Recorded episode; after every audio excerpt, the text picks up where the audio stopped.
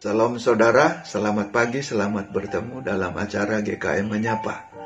Teks renungan kita pagi ini diambil dari surat Roma pasal 13 ayat 1 dan 4a yang berbunyi, Tiap-tiap orang harus takluk kepada pemerintah yang di atasnya, sebab tidak ada pemerintah yang tidak berasal dari Allah, dan pemerintah-pemerintah yang, yang ada ditetapkan oleh Allah, karena pemerintah adalah hamba Allah untuk kebaikanmu. Saudara, melalui bacaan ini, Paulus tengah mengungkapkan keberadaan pemerintah yang sesungguhnya, bahwa mereka adalah hamba Tuhan. Dalam artian, mereka itu adalah perpanjangan tangan Allah Tuhan demi kebaikan dan keteraturan bermasyarakat. Dan keabsahannya terjadi pada saat mereka dilantik dan dikukuhkan. Konsekuensi logisnya adalah pemerintah memperoleh hak untuk dihormati. Dan demi kebaikan bermasyarakat, mereka berhak untuk mengatur dan menata pola atau sistem peraturan perundang-undangan mereka mempunyai otoritas untuk menindak masyarakat pelanggar peraturan. Dan sebagai bagian dari masyarakat, mereka harus menjadi teladan dalam hal menaati peraturan yang telah mereka buat.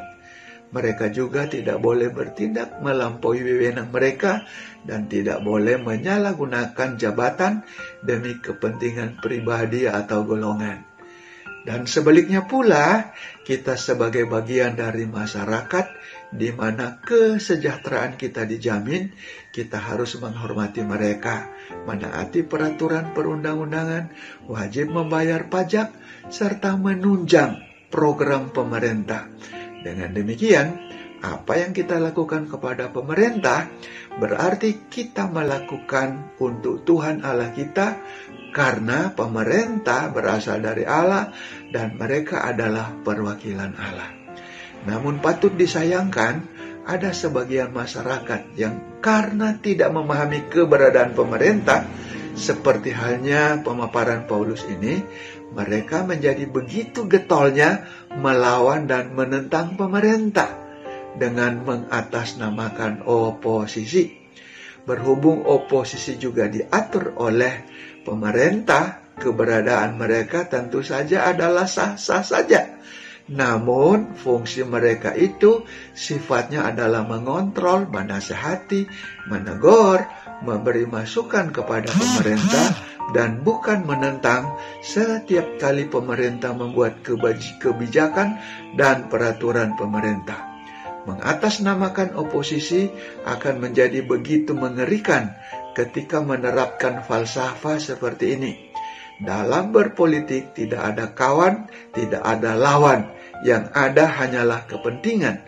Menjadi begitu mengerikan karena para oposan akan menggerakkan komunitas tertentu melalui praktek ujuk rasa dan demi mencapai kepentingan pribadi atau golongan tadi, unjuk rasa tidak lagi dilaksanakan dengan elok, tetapi menjadi ajang pengerusakan, penjarahan, bahkan pembunuhan kepada orang yang bahkan tidak mengerti apa-apa. Nah, saudara, kita ini baru saja memperingati hari ulang tahun kemerdekaan kita yang ke-76 mengalami kemerdekaan dengan usia seperti ini, seharusnya taraf kehidupan kita sudah berada pada tingkat kesejahteraan yang mumpuni. Tapi nampaknya kesejahteraan yang mumpuni masih perlu diperjuangkan. Kita perlu kerja keras untuk mewujudkannya. Untuk itu, kita perlu mengubah pola pandang kita tentang pemerintahan kita. Mari kita tempatkan mereka sebagai orang-orang yang harus kita hormati, kita taati, kita topang, sekaligus kita kontrol dan bukan untuk dirongrong. Sebagai orang percaya, mari kita terapkan pemahaman ini bahwa pemerintah adalah lembaga yang berasal dari Allah dan mereka adalah hamba Allah. Dengan demikian, mudah bagi kita untuk menerapkan ini. Bayarlah kepada semua orang apa yang harus kamu bayar, pajak kepada orang yang berhak menerima pajak, cukai kepada orang yang berhak menerima cukai, rasa takut kepada orang yang berhak menerima rasa takut, dan hormat kepada orang yang berhak menerima hormat. Roma pasal 13 ayat 7. Tuhan Yesus memberkati kita semua. Amin.